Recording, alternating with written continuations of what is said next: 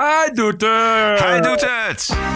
This is the TPO podcast. Een obsessie met complotten klinkt zo. Al decennia laten we ons aanpraten door de big pharma en door die hele angstindustrie dat, dat blanke hetero's een condoom moeten gebruiken. Hoe houden we de genderneutrale taal uit de schoolboeken? En weer klappen voor CNN over subjectieve berichtgeving. Who's the people stopping the conversation? Who are they?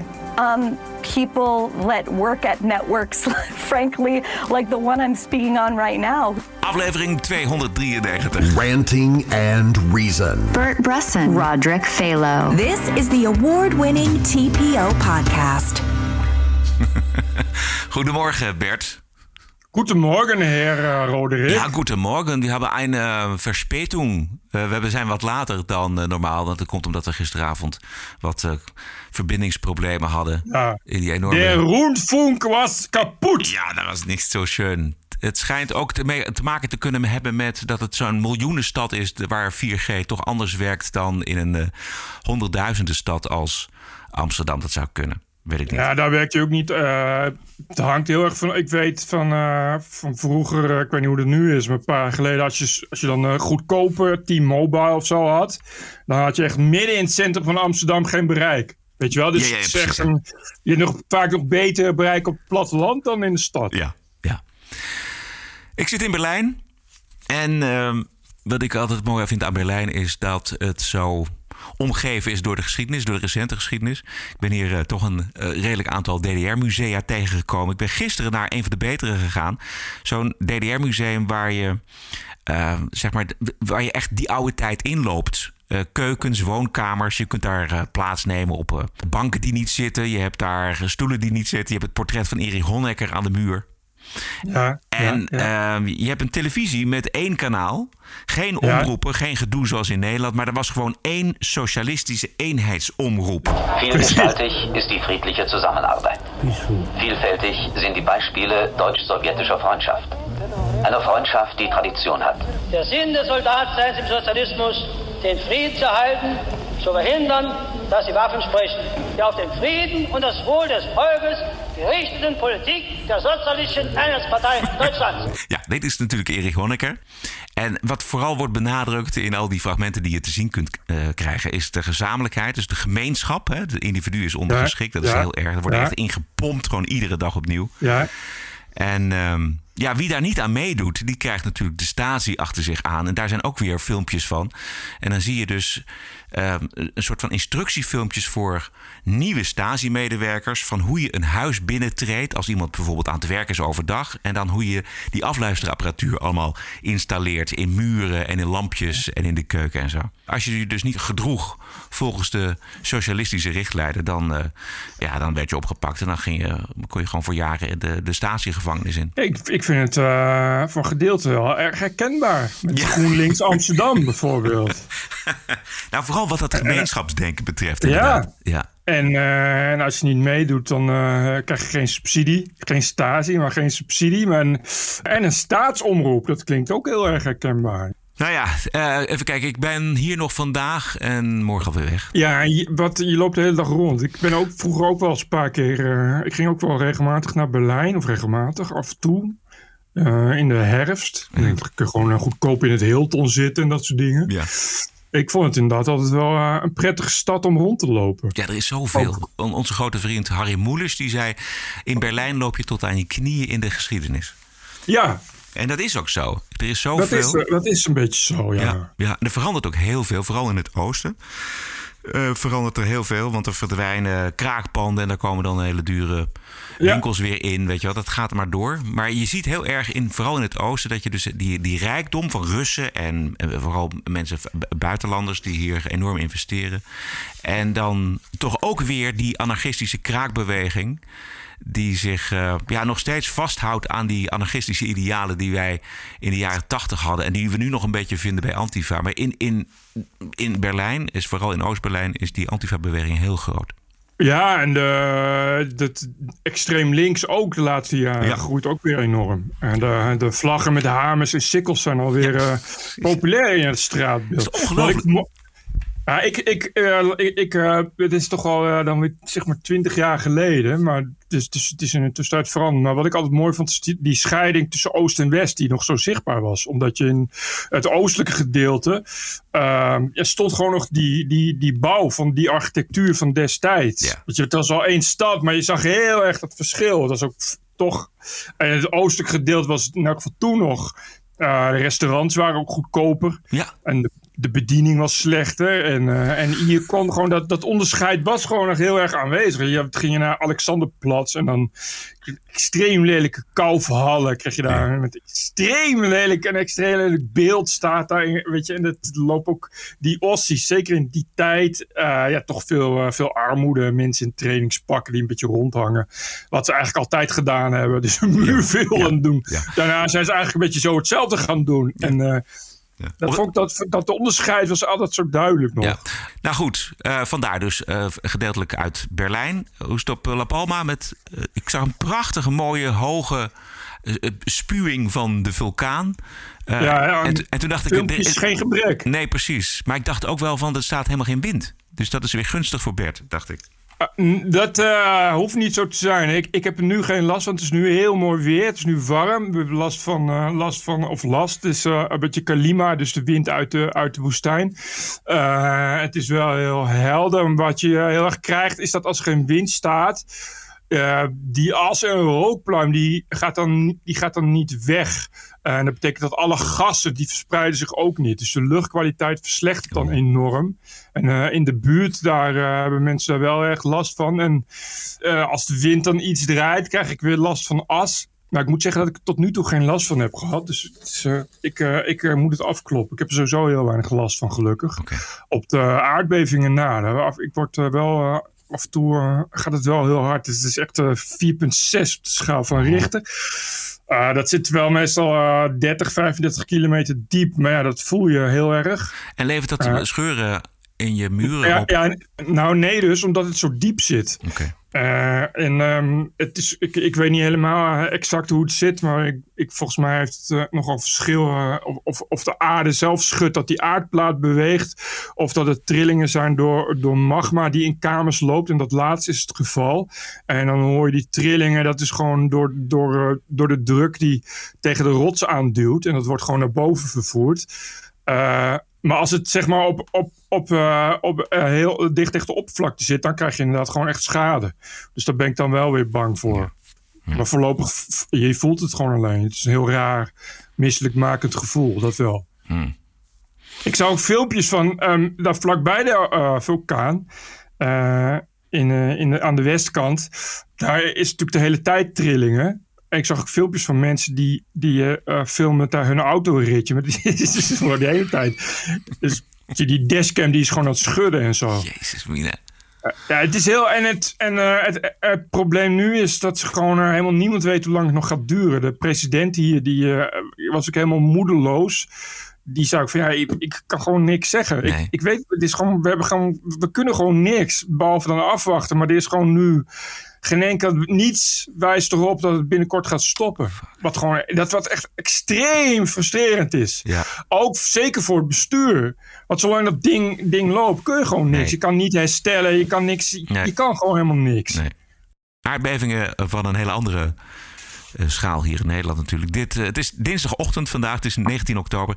Eh, er is al heel veel over gezegd, maar wij analyseren toch eventjes dit verhaal. dat een blanke hetero aids krijgt, is kleiner dan de kans dat hij door de bliksem wordt getroffen. Die kans is echt 0,0000.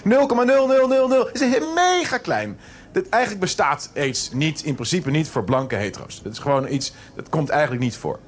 En toch hebben wij waarschijnlijk allemaal, ik in ieder geval wel, in de eerste jaren dat je seks hebt, dat je echt als de dood en ik moet een condoom en een help en eh, moet me laten testen en oh mijn god en zo.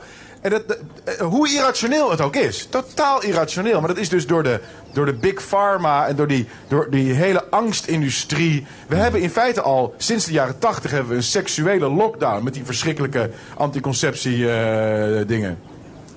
We laten ons dat al, al, al decennia laten we ons aanpraten dat, dat blanke hetero's een, eh, een condoom moeten gebruiken. Voor ziektes slaat nergens. Dat is gewoon onzin. En ik denk dat zoiets ook gebeurd is met al die politici over corona. Juist. Ze kunnen gewoon niet meer normaal nadenken erover. Ja.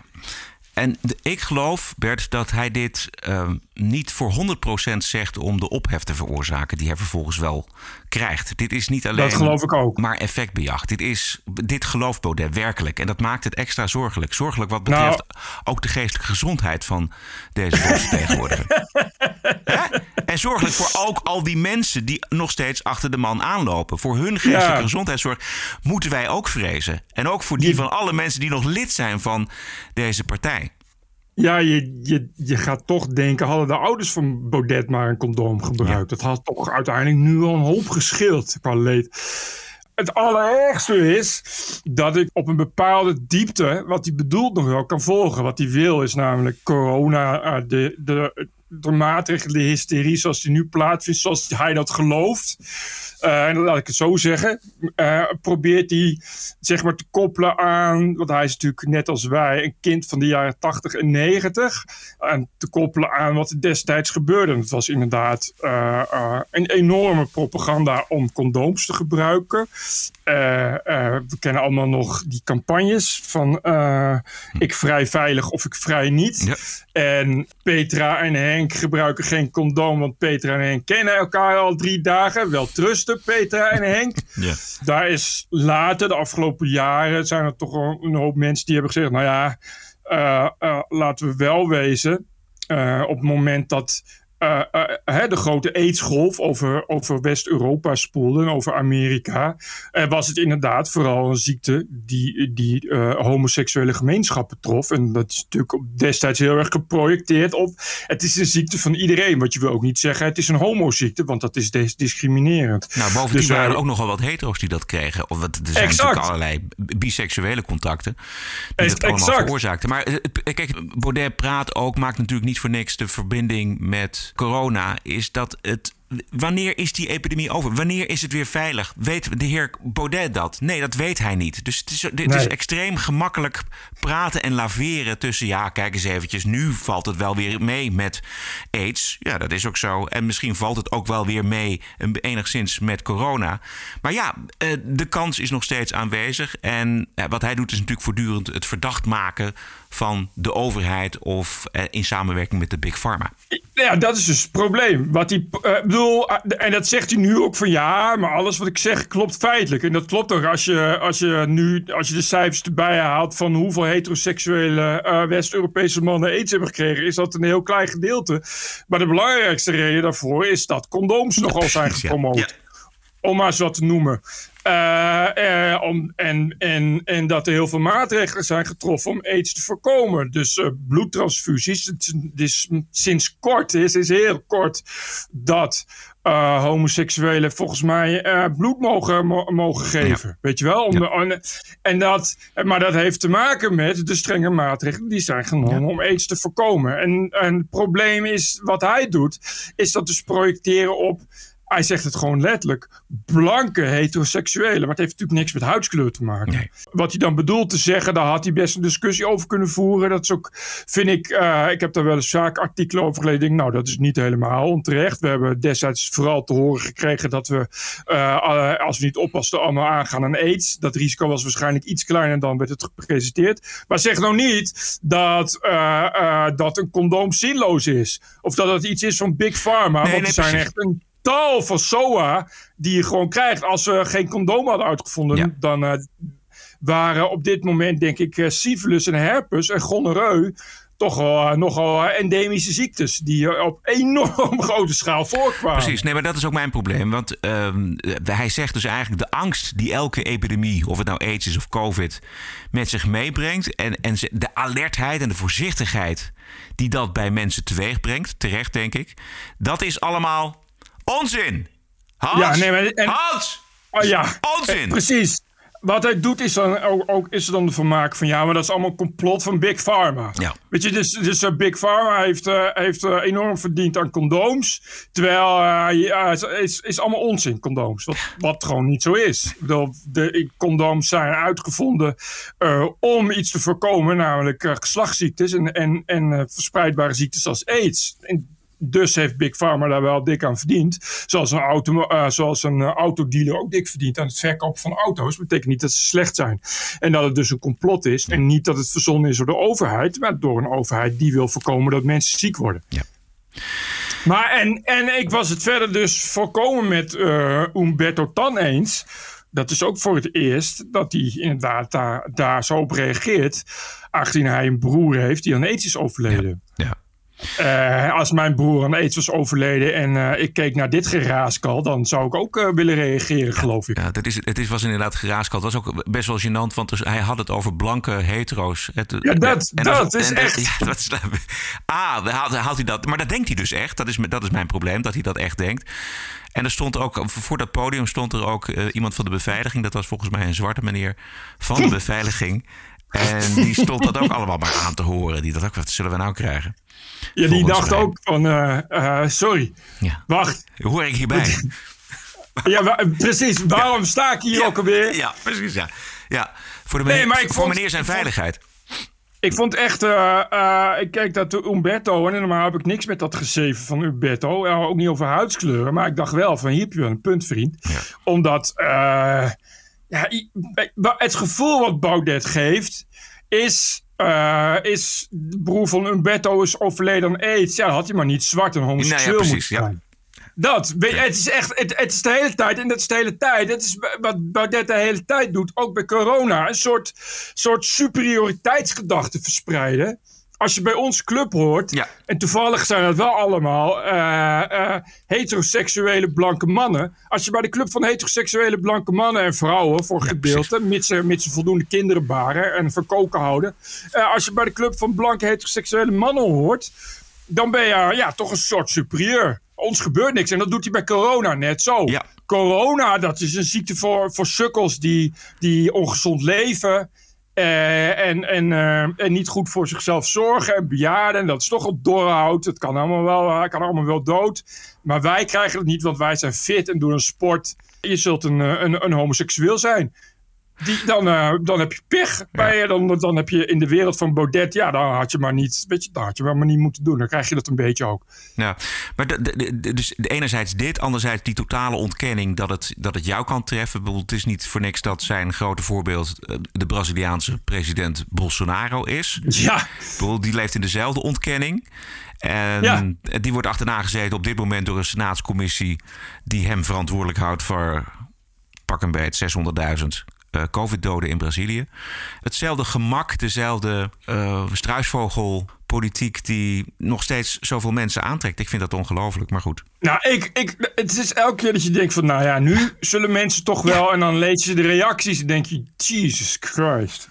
Hoe is het mogelijk? Hoe achterlijk kun je zijn. En dat vind ik wel, dat je dat dan wel nu kunt zeggen. Ik vind wel dat als je nu nog FVD-lid bent, ja. dan ben je toch wel echt achterlijk. Ja. Maar ik vind, nee, oké, okay, maar laten we dan in elk geval constateren dat Baudet wel uh, een uh, racistische homofoob is die complottheorie verspreidt. En, en eigenlijk ook wel echt gevaarlijke dingen verspreidt. Wat hij zegt van je moet uh, uh, on, onbeschermde seks is eigenlijk oké. Okay. Ja, dus op, ja. daar, als het aan Baudet ligt, gaan we geslachtsziektes verspreiden. Ja, en hij, hij zegt gewoon, hij zegt letterlijk, en dat zegt hij letterlijk. Dus iedereen die dat probeert te downplayen, moet nu even gewoon de oortjes openzetten. Voor zover dat nog mogelijk is. Voor zover je die nog hebt natuurlijk. Hij zegt letterlijk dat condooms onzin zijn. Ja. Doe, laat het even op je inwerken. Hij zegt letterlijk dat condooms niet beschermen tegen geslachtsziektes. Ja, en, en dat in, is dus niet zo. En in dezelfde ritme, dezelfde snelheid, zegt hij, tweet hij voortdurend dat uh, vaccinatie onzin is. En hij juicht als er weer eens iemand, een bekend iemand uh, in Amerika of in Europa zegt van ik uh, laat me niet vaccineren. En dan roept hij heel hard. Ja. Geweldig! Super! Dat zei Umberto Tan ook. Van ja, wat Baudet doet is altijd, altijd weer daarna zeggen... ja, maar je hebt het verkeerd begrepen... en je moet het in de juiste content zetten. En het eerste wat hij deed was dat twitteren. Ja. Dit van ja, maar dit is allemaal weer een deug BNR... en ik heb iets anders gezegd in de content. Elke keer dat. Elke keer duiken en weglopen. Echt als een zielige kleuter die achter een bosje zit, besjes gooit naar een auto. en als die auto stopt, te hard wegrennen. Ja, wat is- ben je dan? ja. Wat moet je jezelf dan haat? Ik echt snap niet dat als je nu nog FVD-lid bent, dat je jezelf dan niet gewoon haat. Dat je dan in de spiegel kijkt, dat je denkt van, oh, dat ben je jezelf een nog serieus neemt. mispunt. Echt, burg. Oké. TPO Podcast. En wat de corona betreft zijn we toch eigenlijk weer terug bij waar het debat begon, namelijk de ziekenhuisopname. We zijn nog eh, zeker niet terug bij de druk in de ziekenhuizen zoals vorige herfst en winter. Maar de IC's en de ziekenhuisbedden die vullen zich wel weer met coronapatiënten. 9 van de 10 zijn niet gevaccineerd. Volgens het eh, Isala ziekenhuis in Zwolle is de helft van alle coronapatiënten die zij krijgen afkomstig uit Staphorst.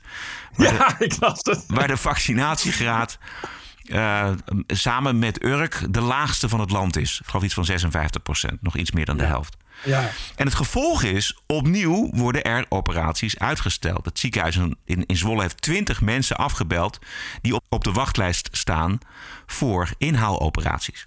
Ja, en dat ik, ik vond het echt, dat ik dacht van, jezus, dan, dan kijk, eerst krijg je dus, eh, eh, eh, krijg je dus dat je moet geopereerd worden. Dan komt corona, dan moet je op een wachtlijst.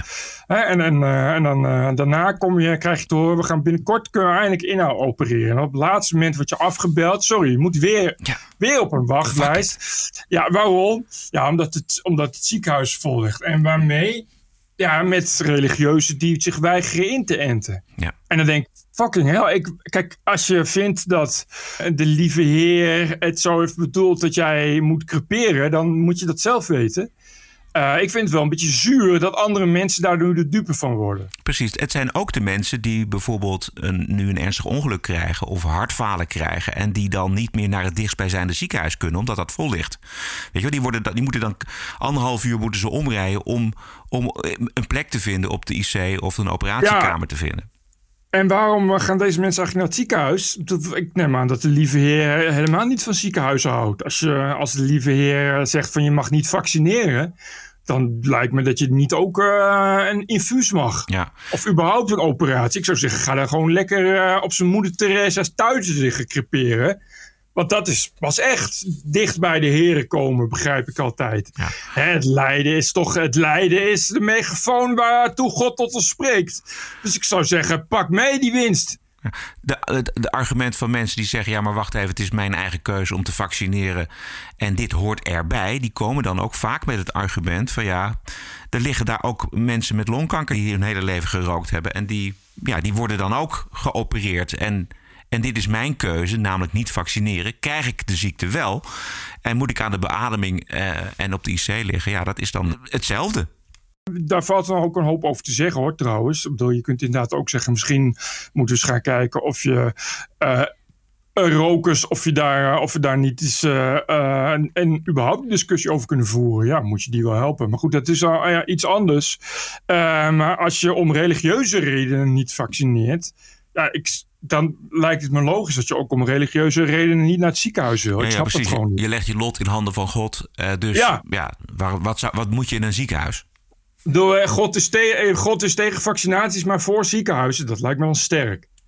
Bedoel, of, of God die wil, wil alles, alles laten gaan. Eh, of hij betekent dingen zoals ziekenhuizen. Maar de vaccinatie is natuurlijk precies hetzelfde. Dat is iets wat dan God bedacht heeft om mensen te helpen. Dus, dus ik kom dan niet zeggen van ja, nu ben ik ziek, nu wil ik wel naar het ziekenhuis. Dat vindt God ook, dan wordt God alsnog boos. Dus ik zou dat niet doen, staphorsters. Er worden keuzes gemaakt. Of je het nou. Hè, eh, of je nou een, een coronapatiënt voorrang geeft boven een operatie die noodzakelijk is en die uitstelt vanwege de coronapatiënt. Je maakt een keuze. Op het moment dat de druk terug is, zoals vorig jaar november tot en met pak een beet april, mei. Ja, dan, dan daar zijn keuzes gemaakt. Ja, precies. Maar ik, ik, eh, ik weet het gewoon. eh, ik denk, misschien kunnen we niet gewoon, eh, gewoon vaccin in het drinkwater mengen of zo. Zoals de fluor. Ja, ja precies. Als een fluor. Nou, kijk, weet je, het, het, het- de vraag is natuurlijk helemaal of het weer zo erg wordt. En eh, wat ik lees is dat bij ieder virus, zeker als er zoveel mensen gevaccineerd zijn en mensen die het gekregen hebben, antistoffen hebben, dat dat eh, virus op een gegeven moment eh, vanzelf uitdooft, om het maar zo te zeggen. Ja, dat is wel. Ik, ik, wat ik lees wel, inderdaad, in, in het buitenland. Dat de mensen zeggen van, nou ja, de pandemie is wel een beetje voorbij. Ook inderdaad, zoals nu met die, eh, wat is het, mer- merk. Dus het is zo'n nieuwe pil, hè, zo'n nieuw geneesmiddel. Eh, komt, op de, is, er- komt er dan op de markt, of in elk geval goedgekeurd, en dat werkt dan heel goed. Eh en de analyses erover lees je ook veel artsen die zeggen van ja, nou ja, ehm, eh, tegen de tijd dat je dat grootschaals kan produceren, is, is, is, ja, is, is, de, is de pandemie wel voorbij. Dus dat is wel iets wat. Het, het wordt ook wel. Dat lees je ook van steeds meer. Van het is, het is steeds minder. Het neemt ook wel echt. Het blijft afnemen. Ja, het dooft Het uit. aantal gevallen. Ja. Het dooft wel uit. Dus ik vind het wel eh, opvallend. Ja, dat we nu toch weer een beetje paniek krijgen. van dat er weer de ziekenhuizen vollopen en dat soort dingen. Nou ja, paniek, ook- paniek niet, maar wel een waarschuwing. Want kijk, we, we hebben natuurlijk dat allemaal gehad. En ik denk dat over een jaar, twee jaar, misschien drie jaar... dat we dan eens heel goed moeten terug evalueren... van wat er allemaal eh, geslaagd en niet geslaagd is... qua lockdowns en, en andere maatregelen. Maar ja, de, de- het kan nog steeds. Er is, wat is het, 83% is gevaccineerd. Doe daarbij de mensen die het gehad hebben. Nou, ik denk dat, je, dat we misschien nog 10% mensen overhouden in Nederland die eh, helemaal geen antistoffen hebben. Nee, maar dat, Die maar dat kunnen wel- behoorlijk wat veroorzaken in de ziekenhuizen. Ja, maar ik dacht toch van als er een vaccinatiegraad is van eh, tegen de 90% moet het goed zijn. Maar nu is het nog niet goed. En dat vind ik wel, geeft wel weer een beetje dat ik denk van is er dan wel perspectief op, eh, op een einde? Of moet je dan 100%? En nou, 100% ken ik nog niet, want dan nog gaan, gaan mensen dood. Colin Powell was ook gevaccineerd. Eh, Volgens mij had hij meer ziektes. Ja, hij was wel gevaccineerd. Dat heeft zijn familie laten weten. Maar hij was 84. En eh, ik, volgens mij eh, had hij meer ziektes. Dus, maar, en sowieso, mensen die 84 zijn... kunnen zomaar bezwijken aan een, aan een milde verkoudheid. Dus, Ja, maar, zeker. Het zijn dus, maar, kleine setjes. De laatste setjes zijn het vaak, ja. maar ja, je, je hebt een hoop bejaarden en een hoop ziekeren. Dus, dus zelfs 100% gevaccineerd blijf je gevallen houden. Eh, en is dat dan wel voldoende? Kunnen we dat dan wel aan? Daar ben ik wel, wel een beetje bang voor. We gaan eventjes woken. Nou, eventjes. I was offended and I have rights. TPO Podcast. You're an adult. Grow up. Deal with it. I don't care. care. Hoe staat het met de open inrichting? Ik zag een bijeenkomst in Amerika, Bert, waarop een melding gemaakt werd van rechtshandig privilege. Dus de achterstelling van linkshandigen. Dus- oh, terecht. Ja, Helemaal ja. terecht. En Eindelijk dat daar ook eens een keer... Eindelijk oh, joh, na het- eeuwen en precies. eeuwen en eeuwen van, van linkse handigen beschimpen en uitsluiten. Ik dacht, waar en blijven ze nou? Maar ze, ze- Ja, ze zijn ja. er uiteindelijk. En de bezwaren die zijn als volgt. Rechtshandigheid maakt het leven gemakkelijker dan voor linkshandigen. Rechtshandigen voelen zich daardoor veel meer op hun gemak in de wereld. En zij hebben dus meer toegang, meer kansen en meer voorsprong. Eh, Dus ongelijkheid. Oh, dat, is, ik heb, dat heb ik altijd gevoeld. Ik, heb altijd, ik ben rechtshandig. Eh, ik heb altijd dat privilege heb ik, heb ik heel erg gevoeld. Ook echt zwaar misbruik van gemaakt. Dat durf ik nu al toe te geven. Dat ik altijd als eerste dan mijn rechterhand uitstak om iemand een hand te geven. En dat ik dan wist van, weet je, je hebt dan toch... eh, als je je rechterhand kunt laten zien... toch dat ex, net even dat extra streepje voor. Ja. Weet je ook, eh, ik dacht, als je dan om je heen kijkt... dan zie je ook gewoon eigenlijk altijd alleen maar bijna rechtshandigen. Precies. Eh, en dat is omdat linkshandigen, ja, die zijn eigenlijk uitgestorven. Er worden echt genocide op linkshandigen gepleegd, eeuwenlang. Dus dat is wel, eh, wel een dingetje hoor. En jij Ja. bent dan nog degene die, die zich bewust is van dat privilege. Maar weet je dat er heel veel mensen zich daar helemaal niet bewust van zijn? Nee, ik, ik hoop dat er eh, toch ook eens een keer workshops komen voor onbewuste privileges voor rechtshandigen. Exactly. Dat wordt gewoon, dat zie je ook al in bedrijven dat daar helemaal geen rekening mee wordt gehouden. Terwijl je eigenlijk weet dat nou op elke werkvloer met tien man zit tenminste één linkshandige weg te kwijnen. Die, die gewoon de hele tijd zit die maar die mensen met hun rechterhand alsof het niks is. Een beetje eh, te elkaar zwaaien en typen en de pen vast te houden. En zelf is het elke keer maar weer de pen over de inkt over het papier vegen. En dan weer met de elleboog tegen iemand anders aanstoten terwijl je dat niet wil. Weet je, verborgen leed. Verborgen leed. En dan die rechtshandigen, die, die doen daar maar grappig over en makkelijk. Maar waar kun je terecht als linkshandige? Is, er een, is er een linkshandige stilteruimte? Nee. Is er eh, een meldpunt? Een vertrouwenspersoon voor linkshandigen die zegt: hier heb je een speciale schaar om gewoon met linkshandig te kunnen? Nee. Die rechtshandigheid vind ik ook buitengewoon verdacht. Want in het verleden. En dan kijken we bijvoorbeeld, ik zit hier in Duitsland, maar als we kijken naar de jaren 30 en 40. En dan kun je je afvragen welke hand er omhoog ging. Precies. En waarom, waarom is handen schudden altijd recht met de rechterhand? ik durf nu al, eh, eigenlijk nu al te voorspellen dat de meeste rechtshandigen zijn en cisgender. Ja, cisgender en fascisten. Zijn cisgenders, gis- cisgender, fascist, fascistgender. Zijn fascistgenders. De Europese, pan-Europese partij Volt die had het afgelopen weekend een bijeenkomst in Lissabon. En wat wel duidelijk werd was dat die partij nog helemaal niet rijp is voor ja, regeren. Behalve dan in Nederland waar ze drie zetels hebben. Ehm, uiteraard is diversiteit en inclusie belangrijk voor de partij. En dat moet allemaal veel strikter worden verwezenlijkt volgens Volt. Oh god. En gelukkig was eh, onze man Chris Alberts daar. Er komt een database voor leden van de partijen waarin alle raciale kenmerken geregistreerd en opgeslagen worden. Oh, dat vind ik heel goed. Dat is in het verleden ook al eens gebeurd en dat is heel goed uitgepakt. Ja, want als je niet weet welke kleur en welk gender mensen hebben, dan kun je ook niet zorgen voor meer diversiteit en inclusie. Dus moet dat, allemaal gaat- dat, moet, dat moet allemaal geregistreerd worden. Dit gaat alleen om, eh, om eh, gender, gender en, eh, en huidskleur? Ja. Oh, ik dacht ook echt om, eh, om, om formaat schedel en zo. En, eh, en eh, de afstand tussen kin en schedel en dat soort dingen. Ah, maar goed, als je het wil neus- als je het wil fine-tunen, Neuslengte. precies, Ja, ik je bedoel, daar als je toch, je, je kan niet zomaar, bedoel, want dan krijg je huidskleur.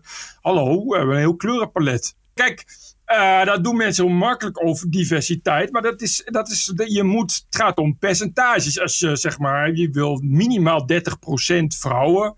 Ja, wat zijn dan weer vrouwen? Dat zijn lichamen met een baarmoeder. Weet je maar, hoeveel procent is dan in transitie geweest en hoeveel procent niet? En als je dan 30% vrouwen, je kan dan zeggen, ik wil, ik wil eh, is het dan 17 of 16 procent alleen uiterst blank? En wat voor blank? Weet je, dat is allemaal heel ingewikkeld. En dat moet je dan, dat moet je zoveel mogelijk moet je dat in wetten gieten. En ook, ik vind het zo goed dat Volt al, nu al voorop loopt met dit soort dingen. Want het is in de toekomst gaan dat hele belangrijke zaken worden.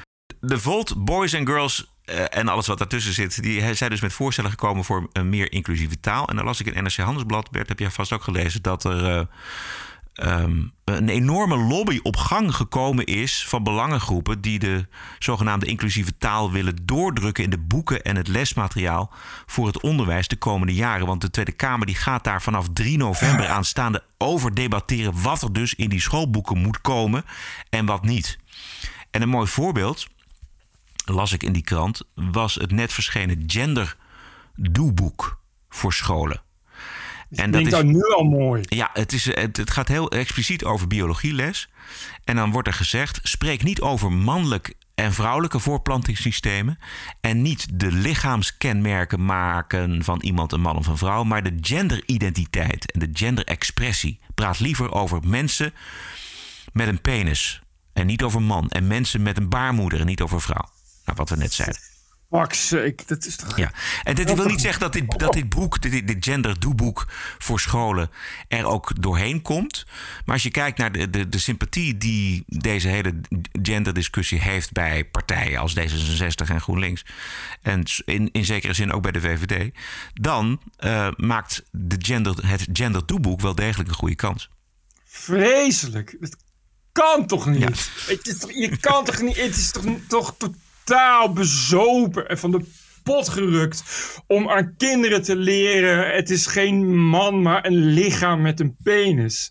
Je kan toch niet dit soort biologische feiten boven, boven dit soort verschrikkelijke, verschrikkelijke Nou ja, dramideologie Precies, maar wel als je dus allebei, als je ook de transgender mannen die geen penis hebben, of die transgender vrouwen die geen baarmoeder hebben, erbij willen betrekken. Dus dat, Ja, hoezo? Ja, nee, maar dat is, de hele, dat is de hele gedachte erachter. En als je ziet over hoeveel mensen we het hebben. Hè? Want het, ik heb dus die cijfers nog nagekeken voor het, uh, het, het Centraal en Cultureel Planbureau. Die komt met een onderzoek uit 2017 dat is weliswaar oud, maar goed, zo, zo snel groeien de transgenders ook weer niet in, in, in Nederland. Heeft 0,6% van de mannen en 0,2% van de vrouwen problemen met het eigen geboortegeslacht. Dus dat zijn mensen die in aanmerking komen voor een verandering. Dus dat is een heel klein percentage. Het is echt zo'n extreem klein percentage. En je begint op een gegeven moment ziek van te worden. Dat je dat echt voor iets wat zo weinig voorkomt, dat er zoveel van de kan moet. Ja, het begint echt een beetje uh, eng te worden. Ik heb, een, krijg een beetje uh, een, een soort alsof er een, een hele kleine groep is die zichzelf allemaal privileges aanmeet. Die ineens buiten alle, alle bestaande uh, wetten vallen. En waarom moet alles daarop aangepast worden? Je kan toch ook zeggen mannen hebben een penis, maar er zijn ook mannen die voelen zich vrouw en die willen dan vrouw worden. Dus dan, dan noemen ze zichzelf vrouw en dan heb je een vrouw met een penis. Maar mannen hebben een penis. Hoezo moeten dat ineens lichamen genoemd worden? Trouwens, ik ken transgender mannen die helemaal niets moeten weten van dat genderneutrale nee, gedoe. Want die, die, die, hebben, die, hebben een hele leven, wilden ze altijd al naar de mannenwc. Nu kunnen ze naar de mannenwc, want ze zijn man. En nu eh, krijgen ze genderneutrale wc's. Neutraal. Ja, dus dat, ja, dat willen juist ze als ze niet wilden zijn, Precies, neutraal. Juist. En maar dat is ook iets wat je nu ziet gebeuren met Netflix en Dave Chappelle. Dat je denkt van, er is een hele kleine groep activisten binnen Netflix die, die dat niet vinden kunnen. Waarom vinden ze niet kunnen? Ja, uh, de grappen van Dave Chappelle zijn kwetsend en maken geweld tegen transgenders mogelijk. Uh, daar is geen bewijs voor, maar als het al zo is, dat zal. Uh, maar dat is nou eenmaal in het leven zijn er dingen die, die positief zijn en soms zijn dingen negatief. Dat gebeurt, dat hoort bij het leven. En ik begrijp niet waarom als je transgender bent, dat dat ineens allemaal niet meer geldt. Waarom uh, als je transgender bent, dan mogen er geen problemen zijn en moet alles voor je wijken. Dan, is het, dan, dan mag je niet gekwetst worden en dan ben je zo breekbaar. Is, bedoel, ja, het, is heel, het lijkt mij sowieso heel kut als je anders bent. Uh, anders dan de meerderheid. Het lijkt mij dat als je uh, blind bent of in een rolstoel zit, dat je dan ook elke dag, de hele dag in de maatschappij wordt geconfronteerd met het feit dat je anders bent dan in de maatschappij. Ja. Maar ja, we kunnen moeilijk. Uh, het kan voor blinden, dat, dat, doen we ook. Ze hebben stoplichten met geluid en geribbelde stoepen en, en braaien en zo. Maar ja, de maatschappij blijft een maatschappij voorziende, niet voor blinden. Dus je bent altijd zul je daar nadeel van ondervinden. Precies. En het enge is dat, dat dus die transgenders, die, die transgender activisten moet ik zeggen, dat die het maatschappelijk proberen af te dwingen. Dus inderdaad via canceling. Nu met het onderwijs en straks ook met wetgeving transgenders moeten gewoon leren dat ze inderdaad een hele kleine minderheid zijn. En dat ze daar inderdaad altijd hinder van zullen ondervinden. Ja, en dat we een heel normaal, met, met, dat we op een normale manier met elkaar omgaan, met respect, ja. et cetera. Maar dat we dat niet in allerlei wetten en gedragsregels en boekjes gaan vatten. Want 96, wat zeg ik? 99,4 procent van de bevolking heeft daar niks mee. Nee, en ik, ik, vind ook, ik ben ook helemaal zat dat al die transgenders continu bij alles zeggen ja, maar dat mag niet, want dat uh, lokt geweld tegen transgenders uit. Of dan gaan uh, transgenders uh, zelfmoord plegen. Dan moeten ineens transgenders moeten, moeten nog boven kankerpatiënten en coronapatiënten moeten dan voorrang krijgen, dat anders kinderen met gendergevoelens gaan dan zelfmoord plegen. Ja, dat zal dan, maar dat is dan helaas. Het, het, het, soms, soms zit het mee en soms zit het tegen in het leven. Ik begin nou al een beetje ziek van te worden dat transgenders denken dat er uh, helemaal niets mag omdat het in nadeel van transgenders is. Transgenders zijn niet ineens een soort supersoort waar alles om draait. Het universum draait niet om transgenders, helaas het is echt absurd als je kijkt naar de verhoudingen dat 99,4% van de mensen zich moeten eh, voegen naar de grillen van 0,6% van de bevolking. En dan zijn het er nog minder, want we hebben het hier over transgenders. En niet iedere transgender is een transgender activist, weet je. Dus het, clubje is nog vele malen kleiner. Nee, echt. Een, ja. Een, ja, als je alle anderen zegt, ja, maar dit is verwaarloosbaar. Ja. Ja. Ik bedoel, dit is, dat is toch, dat vind ik echt, ja, ik, het is gewoon absurd om, om, om, om daar zoveel rekening mee te houden. Dat is gewoon sorry. Sorry transgenders, maar het is absurd om er zoveel rekening met jullie te houden. Dat, gaat gewoon, dat slaat gewoon nergens op. En daarom wordt identiteit erbij gehaald. Daarom hebben we het steeds over identiteitspolitiek. Want als je je identiteit eraan ontleent dan mag je daar verder niks over zeggen. Want anders dan, ben je, dan, dan, ben je gewelddadig en dan respecteer je mensen niet. En als je mensen niet respecteert, dat is het allerergste van de hele wereld. Dat saai je haat. Juist. Dan ben, je, dan, ben je, dan ben je haat. Als je dan iets zegt waar ze het niet mee eens zijn, dan zegt ze nee, je verkoopt haat. Ja. Je verspreidt haat. Hoezo? Ik zeg iets waar je het niet mee eens bent. Wat volgens mij ook nog eens een keer waar is. Als je dan zegt, ja, mannen hebben een penis en vrouwen een vagina. Dan zegt nee, je verspreidt haat. Volgens mij niet. Volgens mij verspreid ik gewoon elementaire waarheden. Ja, dit is de kern van waarom het altijd over identiteit gaat. Vrouwen hebben een baarmoeder. Vrouwen hebben een baarmoeder, baarmoeder, baarmoeder. Vrouwen hebben een baarmoeder, baarmoeder. En mannen? Hallo, mannen hebben een penis, penis, penis. Mannen hebben een penis. Oh ja, Bert, de directeur van een onderdeel van de Universiteit van Berkeley stapt op. En hij vertelt op Twitter waarom. Directeur van een onderzoeksgroep, een onderzoeksonderdeel uh, van Berkeley, volgens mij uh, iets met klimaat. Daar wil ik vanaf zijn. In elk geval is hij dus directeur van een, van een, van een, van een iets. Die hadden iemand uitgenodigd, een, een wetenschapper, om te komen spreken. Hij wil niet zeggen wie dat is, uit privacyoverwegingen. En die werd dan door uh, uh, de universiteit of door anderen werd hij gecanceld vanwege zijn political views. Ja. Dus heeft hij geprobeerd dat uh, recht te breien door hem later opnieuw uit te nodigen. Uh, omdat hij dus principieel zegt van ja, ik, ik, ik, ik, het kan me niet schelen wat zijn politieke views zijn. Ik, het is een heel goed wetenschapper. Ik wil graag zijn wetenschappelijke verhaal horen, want wij zijn ook wetenschappers en wij zijn niet politiek. Dus we gaan niet iemand cancelen vanwege zijn politiek, omdat het gewoon niet, dat is gewoon niet oké. Okay. Ik wil graag, ik wil graag wetenschap bedrijven. Nou, dat is niet gelukt. Uh, hij komt er niet uit met, uh, ik weet niet precies met wie, met de, met de universiteit of, of met anderen, is maar een beetje ontgaan, maar hoe dan ook. Uh, hij, ze blijven erbij nou, dat, hij niet, dat hij niet mag komen, in elk geval niet op een normale manier, terwijl hij vindt dat je dat wel moet doen. Dus zegt hij, nou oké, dan stap ik op als directeur. Ik wil hier niet langer uh, directeur zijn van een groep waar, waar, waarbij wetenschap wordt uitgesloten. Exact. En dit is precies de kern van, de, van het probleem. Ik kan me heel goed voorstellen dat hij zich niet langer kan verenigen met zijn, met zijn plek waar hij werkt. Want als je dus wetenschap opzij zet omdat iemand politiek er een privé mening op nahoudt waar andere mensen via Twitter het niet mee eens zijn, dan is dat het einde van de wetenschap. Dan kun je dus ja. ook nooit meer, je kunt geen leiding geven aan zo'n wetenschappelijk bureau als dit de policy is. Dat, dat lukt natuurlijk niet.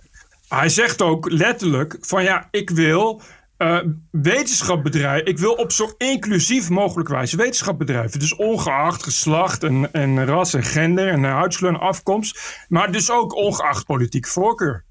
Ja, en hij zegt, nou, dat, dat kan niet. Ja, dus zijn we niet inclusief. Nou, dat wil ik niet. Nee. Dan, dan hij zegt, dan kan ik geen wetenschap bedrijven. Die... En het is echt super moeilijk om dan op te stappen. Ja, om dan te zeggen, ja, dit, ja. Zijn echt, dit gaat voorbij aan mijn principes ja, als wetenschapper. Ja. En dat is, gewoon heel, dat is gewoon echt heel goed. Vanwege uh, onvrede op Twitter. Vreselijk. Ja. Vreselijk. Nou, maar ik, dit moet dus, zo moet het gaan. Dit moeten meer mensen doen. De mensen moeten gewoon, gewoon zeggen van, we, we, gaan, we, we gaan, dat stappen we op. We gaan daar, uh, we gaan daar tegen strijden. Hier, van, hier ga ik niet langer in mee. Dit is de manier om woke te breken. Namelijk. Precies, precies. Het ik is, las een, een, ja. een, goed opinieartikel in de Wall Street Journal of iemand die zei van nou, als je ervan uitgaat dat, dat woke en verwokisering een soort Franse revolutie is en we nu dus in de, in de reign of terror zitten, dus ja. die, na de, die na de guillotines kwamen. Robespierre. Uh, Robespierre, dan, hè, de Robespierre is, is, dan, is dan de woke social justice warriors. Dan uh, lijkt het erop dat we nu in, eindelijk in het iets mildere regime zitten, wat daarna kwam. En daarna werd pas echt die verlichting uitgebouwd. Hè? Omdat daarna mensen zeiden, ja, misschien is het ook wel een idee om nu maar te stoppen met willekeurig mensen af te, af te slachten waar we het niet mee eens zijn. Ook bijvoorbeeld de, de CEO van Netflix, die weliswaar om de verkeerde reden, hij zegt natuurlijk eigenlijk, eigenlijk met zoveel woorden, ik ga uh, uh, Chappelle niet cancelen, want het levert mij winst op, want ik heb er veel geld voor betaald. Maar hij houdt wel voet bij stuk. Hij zegt wel van ja, ik ga dat dus niet doen. Ja, ja. Dan moet je maar gaan staken, dan moet je maar weggaan. Ik ga dat niet. Uh, uh, ideaal, idealiter, dat moet de volgende keer zijn, zegt hij van nee, want ik ben van Netflix en ik ben voor vrijheid van meningsuiting. wat hij nu zegt is. Ja, ja, sorry, iedereen kijkt ernaar, dus het levert mij heel veel geld op. Dus ga weg. Ik, ga mijn, ik ga mijn winst niet boven jullie idee stellen. Nou, plus maar dat, plus ook voor ballen. Ja, precies. En plus dat hij dan zegt dat, dat er geen bewijs is dat uh, de, de, grappen van Chappelle zorgen voor meer geweld tegen Ja. transgenders. Dus dat, dat ook nog. Maar hij zegt inderdaad gewoon nee. En woensdagmorgen dus wordt er gestaakt, uh, is de verwachting. Nog een uh, mooi voorbeeld uit Frankrijk. Everything woke turns to shit. Ja, dat weten we natuurlijk. De Franse zangeres Christine en de Queens dacht, weet je wat? Ik ga mijn naam veranderen. Christine is namelijk wel heel erg vrouwelijk. En Queens is dat natuurlijk ook. Ik maak er Rahim van. Rahim en de, en de Kings. Rahim. Dat is al Oh, wel in de Queens. een stuk inclusiever en neutraler, dacht zij. En nu is het een probleem, want er is een woke mop uh, die op Twitter woedend heeft gereageerd. Want Rahim is natuurlijk culturele toe-eigening. Hè, het, is, Oh ja. het is zelfs transracisme. Dom, Oftewel, dom, dom, een Française eigent zich een Arabische naam toe. En dat is racisme. Dom, dom, dom, dom, dom, dom, dom. Dat had hij aan kunnen zien komen. Je kan niet zomaar iets goeds doen qua woke. Is het best... Everything woke turns to shit. Straks nog één woke case uit Amerika, maar eerst gaan we waarderen en doneren. What a woke week it was. This is the TPO podcast. TPO podcast. Jazeker, ook vanuit Berlijn is dit de TPO-podcast.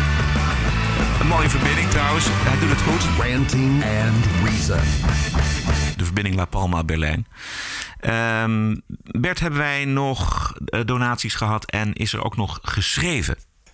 Beste Bert en Roderick.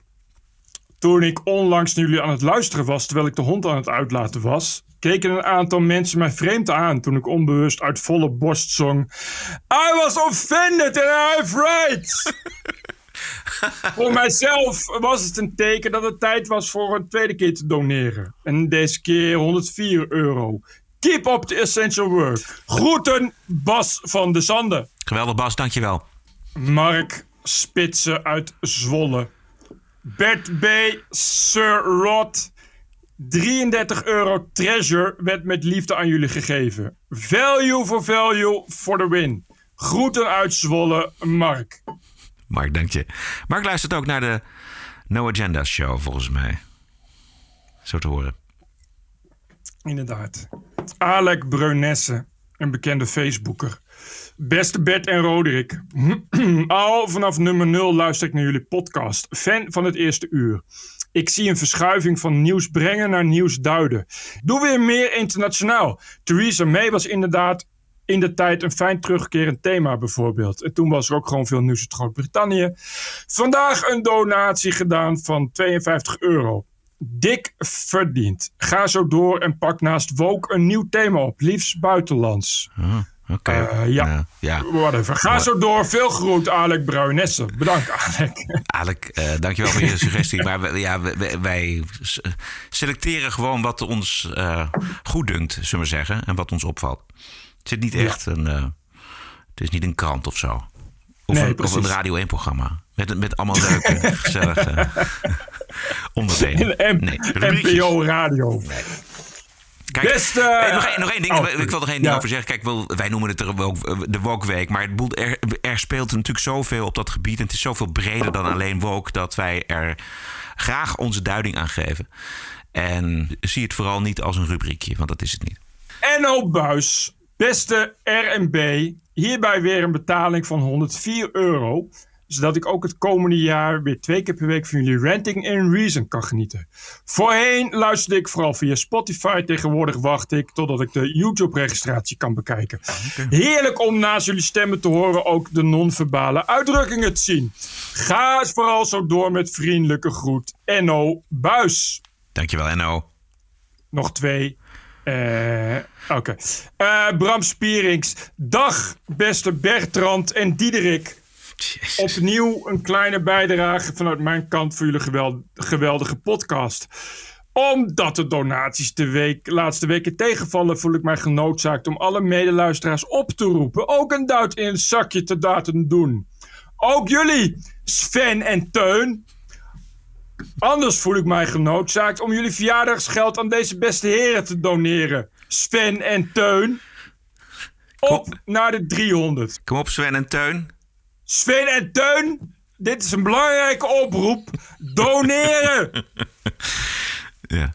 De laatste is van een andere Bert. Liever geen achternaam. Beste Bert en Roderick. Hierbij, net als vorig jaar, een bijdrage van 208 euro van een andere Bert zonder achternaam. Voor jullie geweldig, geweldig leuke podcast. En ik heb al lang en breed voor jullie gestemd bij de awards.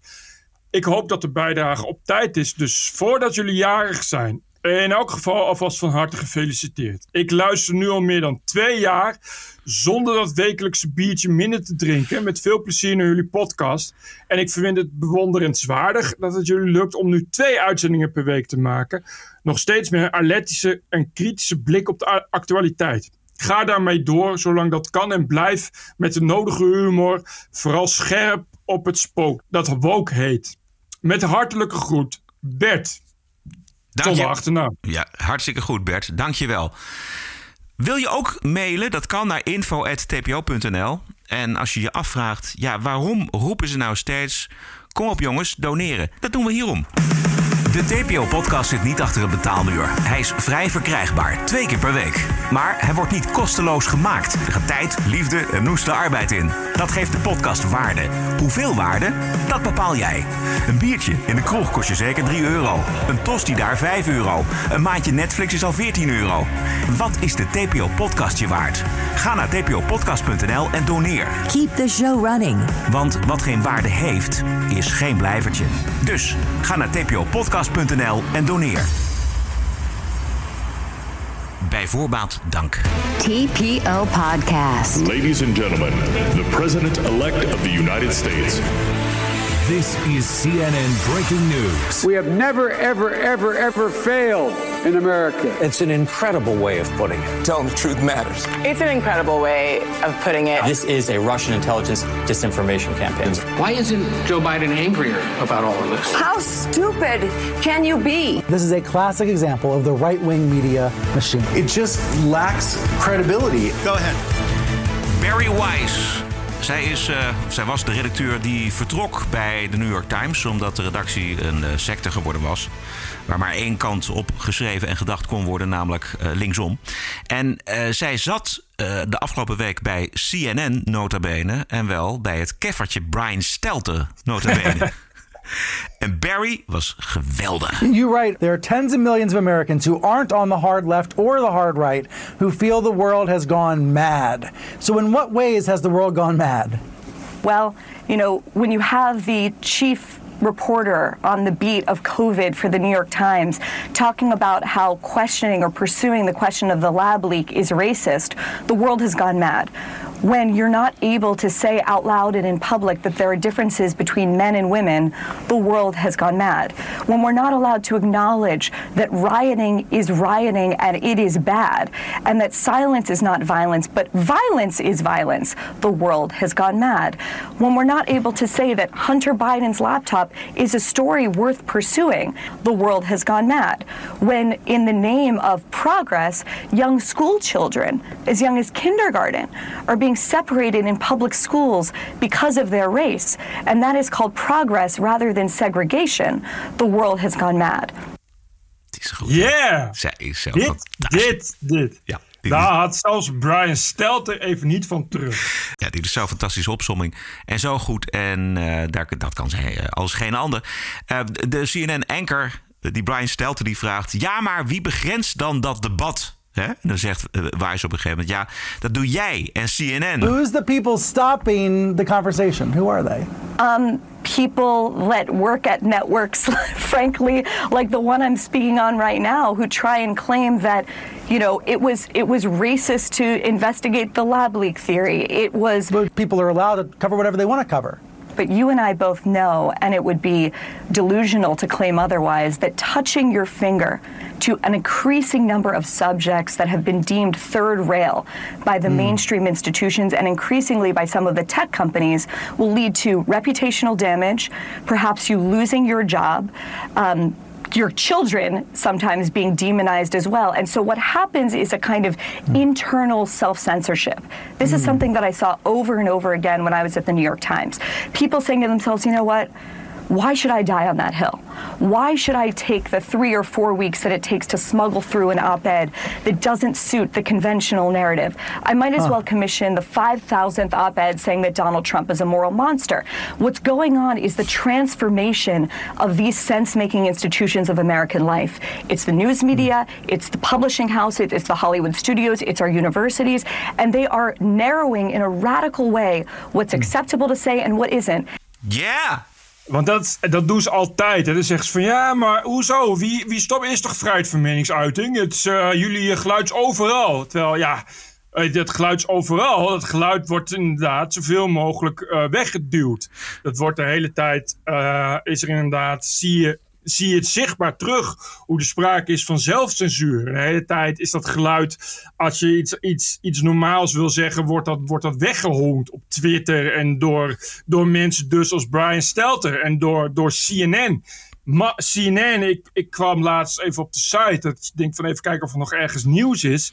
En uh, ik, het normale nieuws is prima bij CNN, maar het is echt het is, het is heel raar. Het is, het is helemaal vol ook met uh, op-ads en dingen over Trump. Ja. Het is een heel, heel rare, hysterische ondertoon. Zie je overal tussendoor op die hele site. Ja. Het punt is vooral dat we hebben het hier over nieuwsorganisaties... die een vertrouwen hebben bij mensen. Ja, steeds minder natuurlijk, maar vertrouwen hebben bij mensen...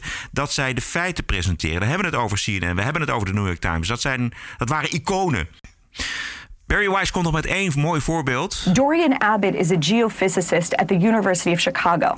He is absolutely brilliant, and he was slated to give the Carlson Lecture at MIT. It's an incredibly prestigious public lecture. But he was canceled from that lecture because of a Twitter mob.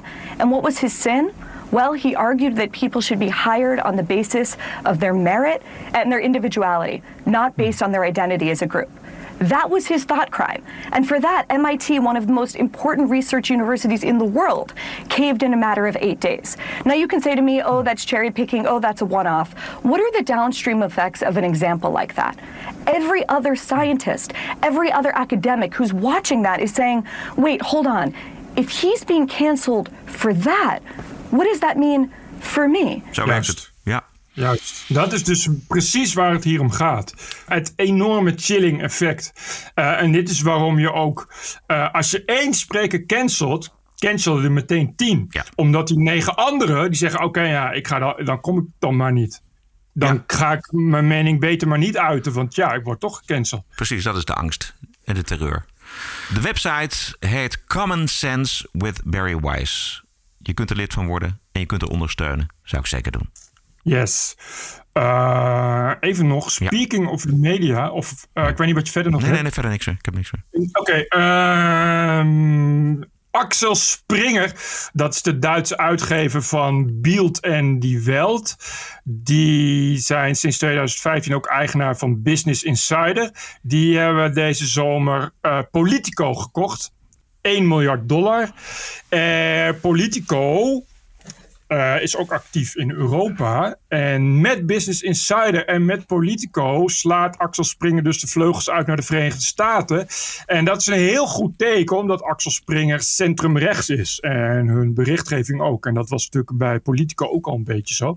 Politico vond ik, stond toch een beetje, uh, nou niet per se heel rechts, maar wel in een heldere verslaggeving, laat ik het zo zeggen. Uh, dus dat is een mooi tegengeluid. Uh, in het uh, toch al uh, lastige medialandschap ja. van de Verenigde Staten. Ja. Oké, okay. dat was het. Ja, verder Colin Powell is dood. Ja. Ik niks, daar valt verder niks over te zeggen. Behalve dan dat, het, dat je natuurlijk de beste man uh, voor de rest van zijn uh, nagedachtenis de wereld ingaat. Dat is de man die uh, de wereld Irak-oorlog inrommelde. Dus ja, je vraagt je af. Ja.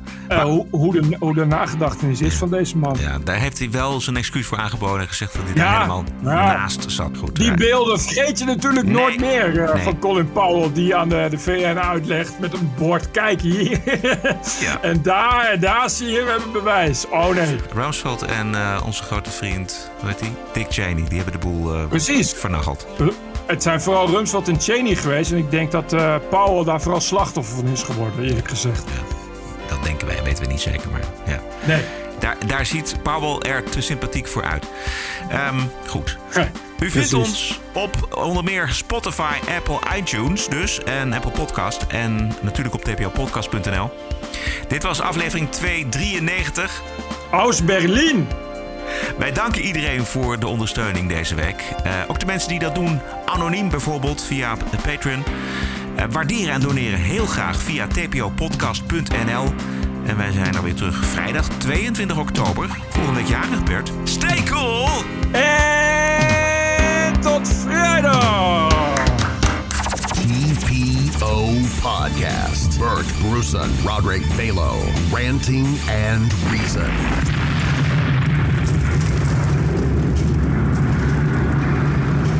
Beste podcastluisteraars, tot vrijdag. Podcasting is the TPO podcast in the Netherlands. Bert and Roderick. What a show. I'm telling you. Keep the show running. Go to tpo.nl slash podcast. Thank you.